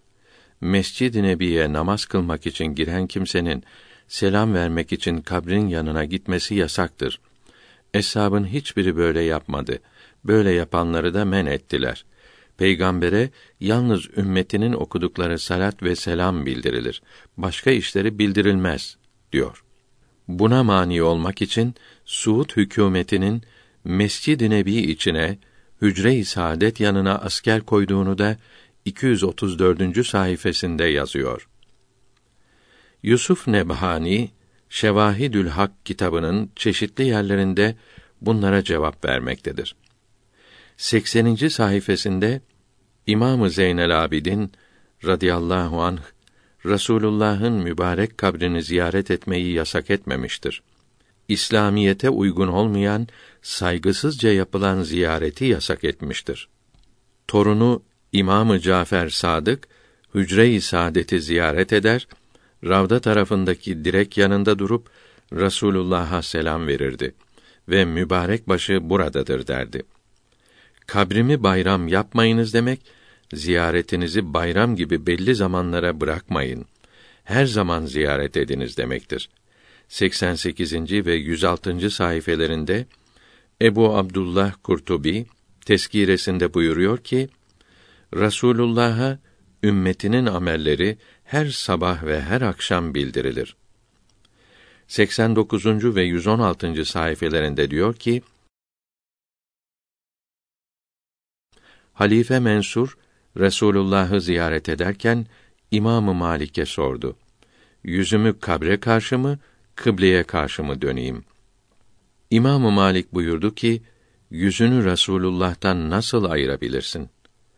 O sallallahu aleyhi ve sellem senin ve baban Adem'in affolmasına vesiledir. 92. sayfede diyor ki, kabirleri ziyaret ediniz. Hadisi şerifi emirdir.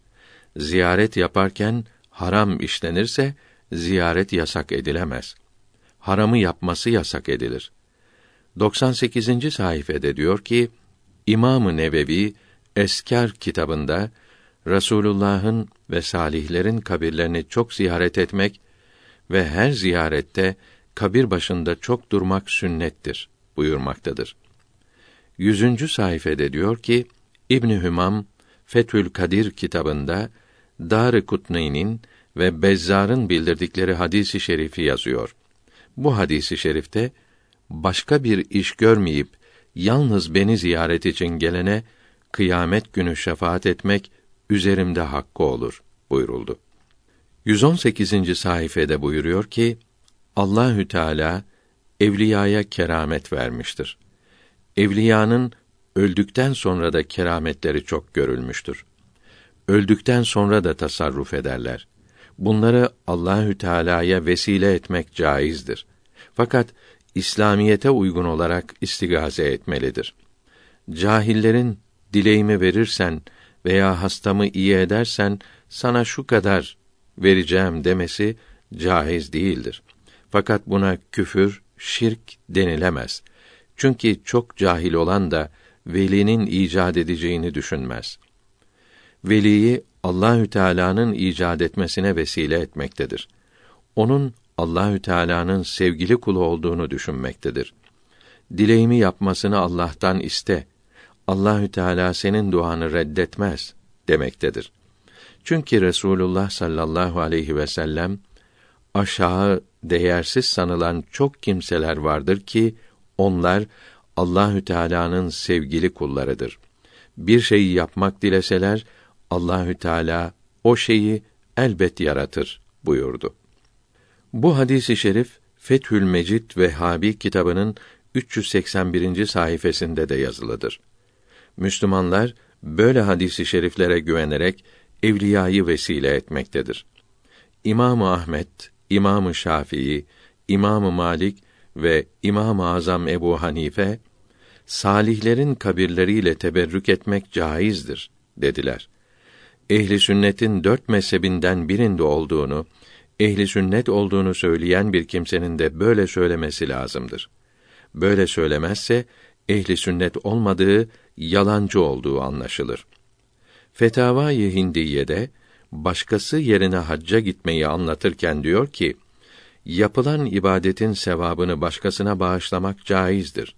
Böylece namaz, oruç, sadaka, hac, Kur'an-ı Kerim okumak ve zikretmek ve peygamberlerin, şehitlerin, evliyanın, salihlerin kabirlerini ziyaret etmek ve mevtaya kefen vermek ve bütün hayrat ve hasenat sevapları bağışlanabilir. Evliya kabirlerini ziyaret etmenin sevap olduğu buradan da anlaşılmaktadır. Zikrin çeşitleri vardır. Bunlardan biri Allahu ekber, Allahu ekber, La ilahe illallahu vallahu ekber, Allahu ekber ve lillahil hamd'dır. Buna tekbiri teşrik de denir. Bunu çok okumalıdır. İstiğfar duası da faydası pek çok olan zikirdir.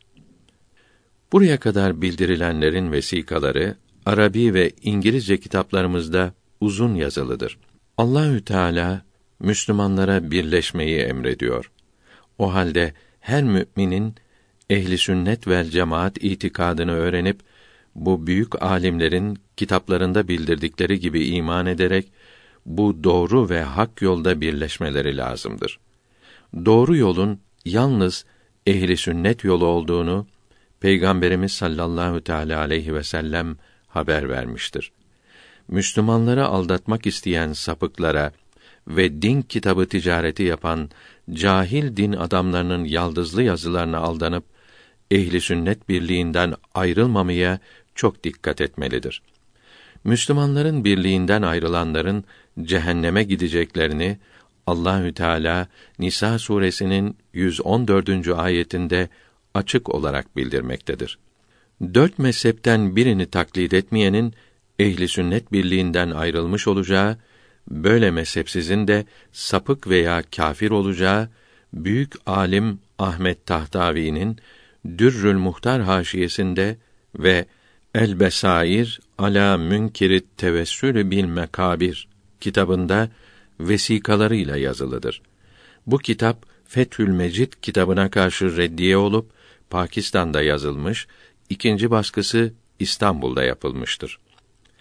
İbn Teymiyye'nin ehli sünnet ve cemaat mezhebinden ayrılmış olduğu Et Tevessülü bin Nebi ve Ceheletül Vehhabiyyin kitabında ispat edilmiştir. İbn Teymiyye'nin sapık yazılarıyla İngiliz casusu Hemfer'in yalan ve iftiralarının karışımına Vehhabilik denir. 3. Mezar üzerine türbe yapmak ve türbelerde hizmet ve ibadet edenlere kandil yakmak ve ölülerin ruhlarına sadaka adamak şirk, küfr imiş. Haremeyn ahalisi şimdiye kadar kubbelere, duvarlara tapınıyorlar imiş. Kabir üzerine türbe yapmak süs için, gösteriş için olursa haramdır. Kabrin harab olmaması içinse mekruhtur. Hayvanın, hırsızın açmaması içinse caizdir. Fakat ziyaret yeri yapmamak lazımdır. Yani belli zamanlarda ziyaret etmek lazımdır dememelidir. İnsanı önceden yapılmış bina içine defnetmek mekruh değildir. Eshab-ı kiram Resulullah'ı ve iki halifesini bina içine defnettiler. Hiçbiri buna karşı gelmedi. Onların söz birliğinin dalalet olmadığını hadis-i şerif haber vermektedir. Büyük İslam alimi İbn Abidin Dürrül Muhtar haşiyesi 5. cilt 232. sayfasında buyuruyor ki alimlerden birkaçı salihlerin ve velilerin kabirleri üzerine örtü sermek, başlık, sarık koymak mekruhtur dedi. Fetavâ-i Hucce'de kabirlerin üzerine örtü örtmek mekruhtur diyor. Fakat bize göre kabirdekinin kıymetini herkese bildirmek için örtülürse ve ona hakaret olunmaması, ziyaret edenlerin saygılı, edepli davranmaları içinse caizdir. Edille-i şer'iye ile yasak edilmemiş olan ameller, işler niyete göre değerlendirilir. Evet, kabirler üzerine türbe yapmak, sanduka, örtü koymak eshab-ı kiram zamanında yoktu. Fakat Resulullah'ın ve Şeyhayn'ın odaya defnedilmelerini inkar edenleri de hiç olmadı. Bunun için ve kabirler üzerine basmayınız. Ölülerinize saygısızlık etmeyiniz. Emirlerini yerine getirmek için ve yasak edilmiş olmadıkları için bunların sonradan yapılmaları bid'at olmaz. Veda tavafından sonra Mescid-i Haram'dan hemen çıkmak, böylece Kâbe-i Muazzama'ya saygı göstermek lazım olduğunu bütün fıkıh kitapları haber veriyor. Halbuki eshab-ı kiram böyle yapmazdı. Çünkü onlar her hareketlerinde Kâbe'ye saygı gösterirlerdi.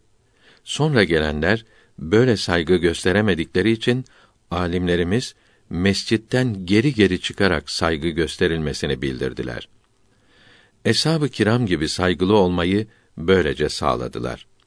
Salihlerin, velilerin kabirlerine eshab-ı kiram gibi saygılı olabilmek için üzerlerine örtü serilmesi, türbe yapılması da bunun gibi caiz oldu. Büyük alim Abdülgani Nablusi Hazretleri Keşfün Nur kitabında bunu uzun anlatmaktadır. Keşfün Nur Celalüddin Suyuti'nin rahimehullahü teala Tenvirul Halek fi imkanı rü'yetin nebi ciharen vel melek kitabıyla birlikte Arabi olarak 1393 miladi 1973'te Minhatül Vehbiye ile birlikte İstanbul'da neşredilmiştir. Arabistan'da türbeye meşhet denir. Medine-i Münevvere'de Baki kabristanında meşhet doluydu. Vehhabiler hepsini yıktı. Hiçbir İslam alimi türbe yapmanın ve türbe ziyaret etmenin şirk, küfür olacağını söylememiştir. Türbe yıkan hiç görülmemiştir. İbrahim Halebi rahimehullahü teala Halebi Kebir sonunda diyor ki: Bir kimse tarlasını kabristan yapsa, birisi mevta defn için buraya türbe yapsa, kabristanda boş yer varsa caiz olur.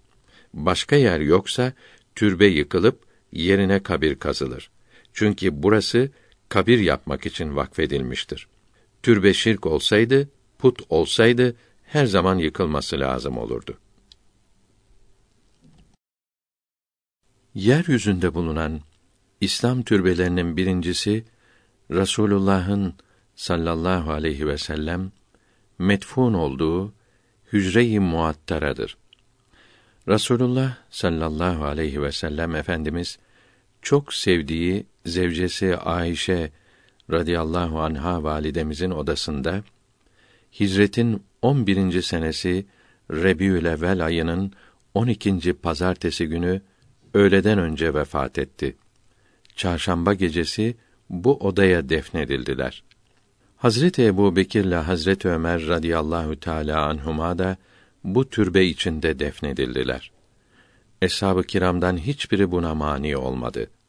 Eshab-ı kiramın bu söz birliğine karşı geliyorlar.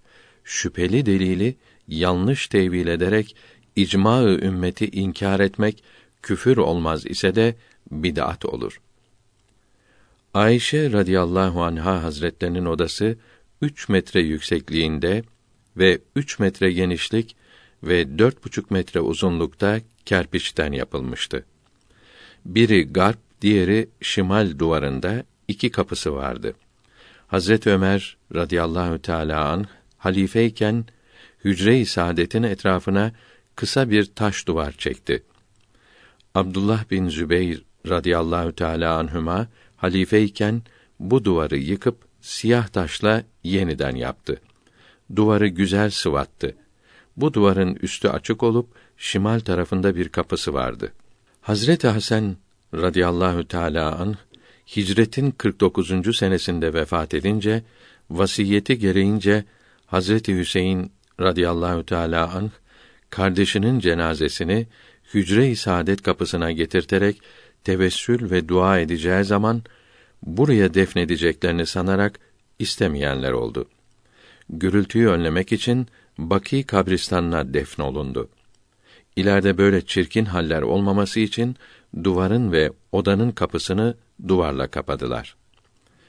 Emevi halifelerinin altıncısı olan Velid Medine valisiyken taş duvarı yükseltti ve üzerini küçük bir kubbe ile örttü. Halife olunca Medine valisi olan Ömer bin Abdülaziz'e emir vererek 88 miladi 707 senesinde Mescid-i Şerif'i tevsi ettirirken bu duvarın etrafına ikinci bir duvar yaptırdı. Bu duvarı beş köşeliydi ve üstü kapalıydı. Hiç kapısı yoktu. Daha çok bilgi almak için Kıyamet ve Ahiret kitabının Müslümana nasihat kısmının 15. maddesinin sonunu okuyunuz. Fethül Mecid ismindeki Vehhabi kitabında 133. ve sonraki sayfelerinde diyor ki: Ağaç, taş, kabir ve benzerleriyle teberrük eden müşrik olur. Kabirler üzerine kubbeler yapılarak putlaştırıldı. Cahiliye ehli de salih kimselere ve heykellere tapınırlardı. Bunların hepsi ve daha kötüleri şimdi türbelerde, mezarlarda yapılıyor. Salih insanların kabirleriyle teberrük etmek, lat putuna tapınmak gibidir. Bu müşrikler evliyanın duayı işiteceğini ve cevap vereceğini zannediyorlar. Kabirlere nezr yaparak, sadaka vererek ölülere yaklaşılır diyorlar. Bunların hepsi büyük şirktir.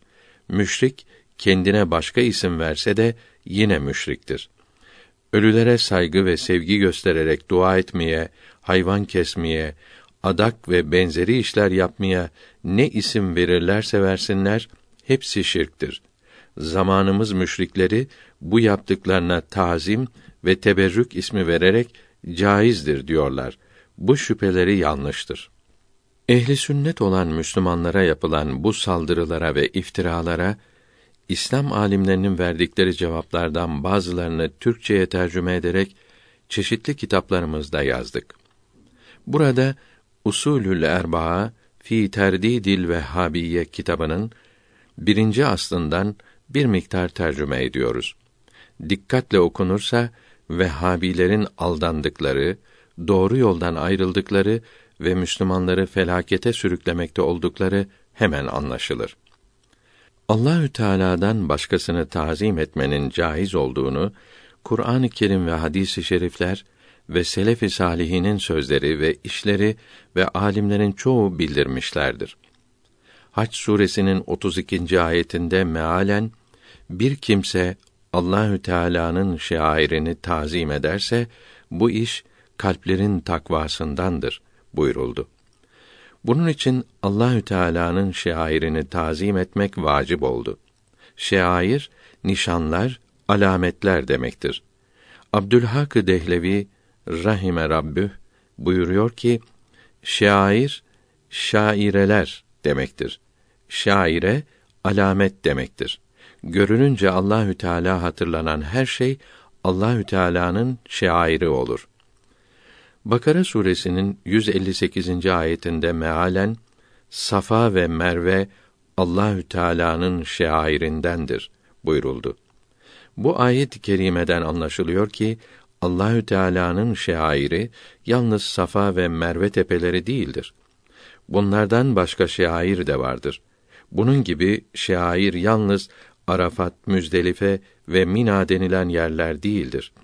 Şah Veliyullah Dehlevi Huccetullahil Baliga kitabının 69. sayfasında diyor ki Allahü Teala'nın şairinin en büyükleri dörttür. Kur'an-ı Kerim, Kâbe-i Muazzama, Peygamber aleyhisselatu vesselam ve namaz.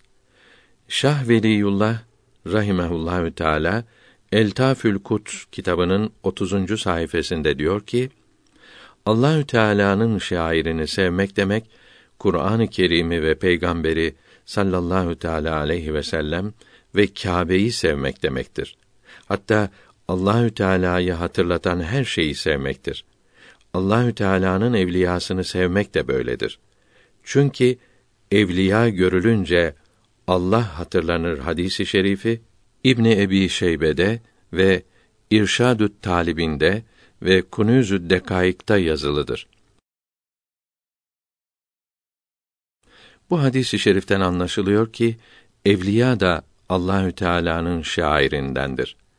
evliyayı, ulemayı tazim için kabirleri üzerine türbe yapmanın caiz olduğu Camiül Fetavada da yazılıdır. Mekke-i Mükerreme şehrinde Mescid-i Haram'ın yanında bulunan Safa ve Merve ismindeki iki tepecik arasında İsmail aleyhisselam'ın annesi Hazreti Hacer gidip geldiği için bu iki tepecik Allahü Teala'nın şairi oluyorlar. O mübarek anneyi hatırlamaya sebep oluyorlar da bütün mahlukların en üstünü ve Allahü Teala'nın sevgilisi olan Muhammed aleyhisselam'ın doğduğu, büyüdüğü, ibadet ettiği, hicret ettiği, namaz kıldığı, vefat ettiği yerler ve mübarek türbesi ve âlinin ashabının yerleri niçin şairden olmasınlar? Bunları neden yıkıyorlar? Burada al kelimesi mübarek zevceleri ve ehli beyti demektir. Kur'an-ı Kerim dikkat ile ve insaf ile okunursa birçok ayet-i kerimenin Rasulullah'ı tazim ettiği kolayca görülür. Hucurat suresindeki ayet-i kerimelerde mealen ey iman edenler Allahü Teala'nın ve Resulünün önüne geçmeyiniz. Allahü Teala'dan korkunuz. Ey iman edenler peygamberin sesinden daha yüksek sesle konuşmayınız. Ona sallallahu aleyhi ve sellem birbirinize seslendiğiniz gibi seslenmeyiniz. Böyle yapanların ibadetlerinin sevapları yok olur. Rasulullah'ın yanında seslerini kısanların kalplerini Allahü Teala takva ile doldurur. Onların günahlarını affeder ve çok sevap verir. Onu dışarıdan bağırarak çağıranlar düşünemiyorlar. Dışarı çıkıncaya kadar bekleseler kendileri için iyi olur buyuruldu. Bu beş ayeti insaf ile okuyan, düşünen bir kimse Allahü Teala'nın sevgili peygamberinin tazimini ne kadar çok yükselttiğini iyi anlar. Ona karşı ümmetinin edepli, saygılı olmasını ehemmiyetle emrettiğini görür. Ona karşı seslerini yükseltenlerin bütün ibadetlerinin yok olacağını düşünen kimse bu önemin derecesini anlayabilir. Beni Temim kabilesinden yetmiş kişi Medine'ye gelip dışarıdan bağırarak Rasulullah'ı saygısızca çağırmışlardı. Bu ayeti kerimeler bunlara ceza olarak geldi. Bazı kimseler kendilerinin Beni Temim soyundan olduklarını söylüyorlar. Bunun içindir ki hadisi i şerifte kaba ve işkence yapıcılar şarttadır ve şeytan buradan fitne çıkarır buyurarak mübarek eliyle Necd tarafını gösterdi. Mezhepsizlerin bir kısmı da Necdidir. Necd ülkesinden türedikleri için bu isimle anılmaktadırlar. Yukarıdaki hadisi şerifin haber verdiği fitne 1200 sene sonra ortaya çıktı. Necd'den Hicaz'a gelerek Müslümanların mallarını yağma ettiler. Erkeklerini öldürdüler. Kadınlarını ve çocuklarını esir aldılar. Kâfirlerin yapmadıkları kötülükleri, alçaklıkları yaptılar. Faide Yukarıdaki ayet-i kerimelerde tekrar tekrar ey iman edenler buyuruldu. Bu da kıyamete kadar gelecek olan bütün Müslümanların Resulullah'a sallallahu aleyhi ve sellem edepli olmalarını emretmektedir. Yalnız eshab-ı kiram için radıyallahu teala aleyhi mecmain emredilseydi ey eshab denirdi. Nitekim ey Resulün zevceleri ve ey Medine ahalisi buyurulmuştur. Namazın, orucun, haccın ve zekatın ve başka ibadetlerin kıyamete kadar bütün Müslümanlara farz olduklarını bildirmek için ey iman edenler buyurulmuştur. Böylece Vehhabilerin Rasulullah sallallahu teala aleyhi ve sellem diriyken tazim lazım idi. Öldükten sonra saygı gösterilmez ve ondan yardım istenmez sözleri ayet-i kerime ile çürütülmüş oldu. Yukarıdaki ayet-i kerimeler Allahü Teala'dan başkalarını da tazim lazım olduğunu göstermektedir. Bakara suresinin 104. ayetinde mealen Ey iman edenler Râina demeyiniz. Bize nazar et deyiniz. Allahü Teala'nın hükümlerini dinleyiniz buyuruldu. Müminler Resulullah'a sallallahu aleyhi ve sellem Râina yani bizi gözet, koru derlerdi. Râina Yahudi lisanında sövmek, kötülemek olup Yahudiler Resulullah'a sallallahu teala aleyhi ve sellem bu manada Râina derlerdi. Kötü manası da olduğu için bu kelimeyi kullanmayı Allahü Teala müminlere yasak etti. Enfal suresinin 33. ayetinde mealen sen aralarında olduğun için Allahü Teala onlara azap yapmaz buyuruldu. Kıyamete kadar azap yapılmayacağı vaad edildi. Bu ayet-i kerime Vehhabilerin o aranızdan gitti, toprak oldu sözlerini reddetmektedir. Bakara suresinin 34. ayetinde mealen meleklere Adem'e karşı secde ediniz dediğimiz zaman secde ettiler. Yalnız iblis secde etmedi buyuruldu. Bu ayet-i kerime Adem aleyhisselama tazim olunmasını emretmektedir. Şeytan Allahü Teala'dan başkasına tazim olunmasını inkar ederek ve peygamberlere hakaret ederek bu emri dinlemedi. Vehhabiler de şeytanın yolundadırlar. Yusuf aleyhisselamın anası, babası ve kardeşleri de kendisine secde ederek saygı gösterdiler. Allah'tan başkasına saygı, tazim, şirk ve küfr olsaydı Allahü Teala sevdiği kullarını anlatırken bununla övmezdi. Ehli sünnete göre Allah'tan başkasına secde haramdır. İbadet secdesine benzediği için haramdır. Tazimi gösterdiği için değil. Şeytan Rasulullah'a sallallahu aleyhi ve sellem neçtli ihtiyar şeklinde görünürdü. Kâfirler Mekke'de Darün Nedve denilen yerde toplanıp Rasulullah'ı öldürmeye karar verdikleri zaman şeytan neçtli bir ihtiyar şeklinde görünüp nasıl öldüreceklerini öğretmişti. Onlar da neçtli ihtiyarın dediğini yapalım demişlerdi. O günden beri şeytana Şeyh-i Necdi denilmektedir. Muhyiddin Arabi Hazretleri Müsamerat kitabında diyor ki: Kureyş kâfirleri Kâbe'yi tamir ederken kabile reislerinden her biri Hacerül Esved taşını yerine ben koyacağım dediler. Yarın sabah ilk geleni hakem yapalım. Aramızdan onun seçiciyi koysun dediler.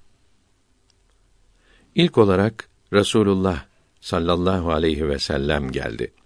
O zaman 25 yaşındaydı. Bu gelen emindir. Bunun sözüne uyarız dediler.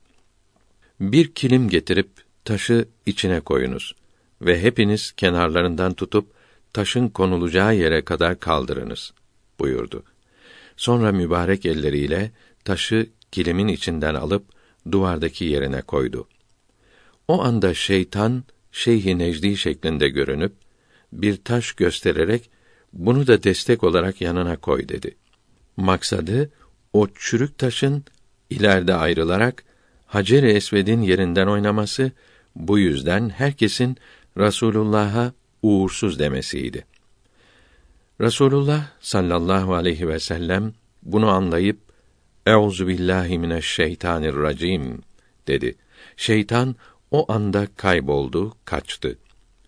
Muhyiddin Arabi rahmetullahü teala aleyh bu yazısında şeytanın Şeyh-i Necdi olduğunu dünyaya yaydığı için bu büyük veliye düşman oldular. Hatta kafir dediler. Mezhepsizlerin üstadlarının, önderlerinin şeytan olduğu buradan da anlaşılmaktadır. Vehhabiler Rasulullah'tan yadigar kalan mukaddes yerleri ve türbeleri bunun için yıkıyorlar. Bu yerler insanları müşrik yapıyor diyorlar. Mübarek yerlerde Allahü Teala'ya dua etmek şirk olsaydı Allahü Teala hacca gitmemizi emretmezdi. Rasulullah sallallahu aleyhi ve sellem tavaf yaparken Hacerül Esved'e öpmezdi.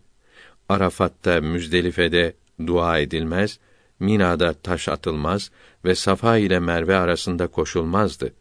bu mübarek yerler böyle tazim olunmazdı. Ensarın toplandığı yere reisleri olan Sa'd bin Muaz radıyallahu teala anh gelince Rasulullah sallallahu aleyhi ve sellem reisiniz için ayağa kalkınız buyurdu. Bu emir Sa'd'i tazim etmeleri içindi. Sa'd hastaydı. Onu hayvandan indirmek içindi demek yanlıştır. Çünkü hepsine emrolundu. İndirmek için olsaydı bir iki kişiye emrolunurdu. Yalnız saat için denirdi. Reisiniz demeye lüzum olmazdı. Abdullah bin Ömer radıyallahu anhuma hac için Medine'den Mekke'ye giderken yoldaki mübarek yerlerde Rasulullah'ın oturduğu yerlerde durur, namaz kılar, dua ederdi. Buralarla bereketlenirdi. Rasulullah'ın minberine ellerini koyar, sonra yüzüne sürerdi. İmam Ahmet bin Hanbel hücre-i saadeti ve minberini öperek bereketlenirdi. Hem Hanbeli mezhebinde olduklarını söylüyorlar hem de bu mezhebin imamının yaptığına şirk diyorlar. Hanbeli izlemelerinin sahte olduğu anlaşılıyor. İmam Ahmet bin Hanbel İmam Şafii'nin gömleğini ıslatıp bu suyu içti. Bununla bereketlendi. Halit İbni Zeyd Ebu Eyyub el Ensari radıyallahu anh Rasulullah'ın mübarek kabrine yüzünü sürdü. Biri gelip kaldırmak isteyince beni bırak. Taşa toprağa gelmedim. Rasulullah'ın huzuruna geldim buyurdu. Eshab-ı kiram aleyhimür rıdvan Rasulullah'ın eserleriyle teberrük ederlerdi. Abdest alırken kullandığı su ile mübarek teriyle bereketlenirlerdi. Gömleği, asası, kılıncı, nalınları, kadehi, yüzüğüyle ve kullanmış olduğu her şeyle bereketlenirlerdi. Müminlerin annesi Ümmü Seleme'nin radıyallahu anha yanında mübarek sakalından bir kıl vardı. Hasta gelince kılı suda bırakır, sonra çıkarıp bu suyu ona içirirdi. Mübarek kadehine su kor, şifa için içerlerdi. İmamı Buhari'nin kabrinden mis kokusu duyulurdu. Bereketlenmek için toprağından alıp götürürlerdi. Hiçbir alim ve müfti buna mani olmazdı. Hadis ve fıkıh alimleri bunlara izin vermiştir. Usulül Erba'dan tercüme burada tamam oldu. Eshab-ı kiram ve tabiin-i izam zamanlarında hatta bin senesine kadar evliya, sülaha çoktu. Herkes bunları ziyaret ederek bereketlenir, dualarını alırlardı. Kabirle tevessül etmeye, cansız eşya ile bereketlenmeye lüzum kalmazdı. O zamanlarda bunların az yapılması caiz olmadıklarını göstermez. Caiz olmasalardı mani olanlar bulunurdu. Hiçbir alim mani olmadı. Ahir zaman yaklaştıkça küfür alametleri, bid'atler çoğaldı. İslam düşmanları fen adamı, din adamı şekline girip gençler aldatıldı. Bunlara zındık denildi. Fen adamı şekline girip aldatanlara fen yobazı, din adamı şekline girip aldatanlara din yobazı denildi. Dinsizlik, irtidat, nefislerine uyan azgınların, diktatörlerin işlerine yaradığı için bu felaketi körüklediler. Alimler, veliler rahimehumullahü teala azaldı. Son zamanlarda hiç görünmez oldular. Evliyanın kabirlerinden, eşyasından bereketlenmek zaruri oldu. Her işte, her ibadette olduğu gibi bunlara da haramlar karıştırıldı. Böyle karışık olan meşru işlere mani olmamak bunlara karışmış olan bid'atleri temizlemek lazım olduğunu İslam alimleri söz birliğiyle bildirmişlerdir. Alimlerin bu sözleri Eddürerü's Seniyye Fir Reddi alel Vehhabiye kitabında yazılıdır. Okuyanların hiç şüphesi kalmaz. Bu kitap 1319 ve 1347 senelerinde Mısır'da basılmış ve 1395 miladi 1975'te İstanbul'da ofset baskısı yapılmıştır. Vehhabilerin Hicaz'daki Müslümanlara yaptıkları zulümler ve işkenceler Kıyamet ve Ahiret kitabının sonunda uzun yazılıdır. Müslümanlar kabir üzerine taş dikerler. Taşın üzerine meyyitin ismini yazarlar. Ziyarete gelenler taştaki ismin sahibinin ruhuna Fatiha ve dua okurlar. Evliyanın kabrini ziyaret eden ayrıca bunun ruhundan şefaat ve dua etmesini ister.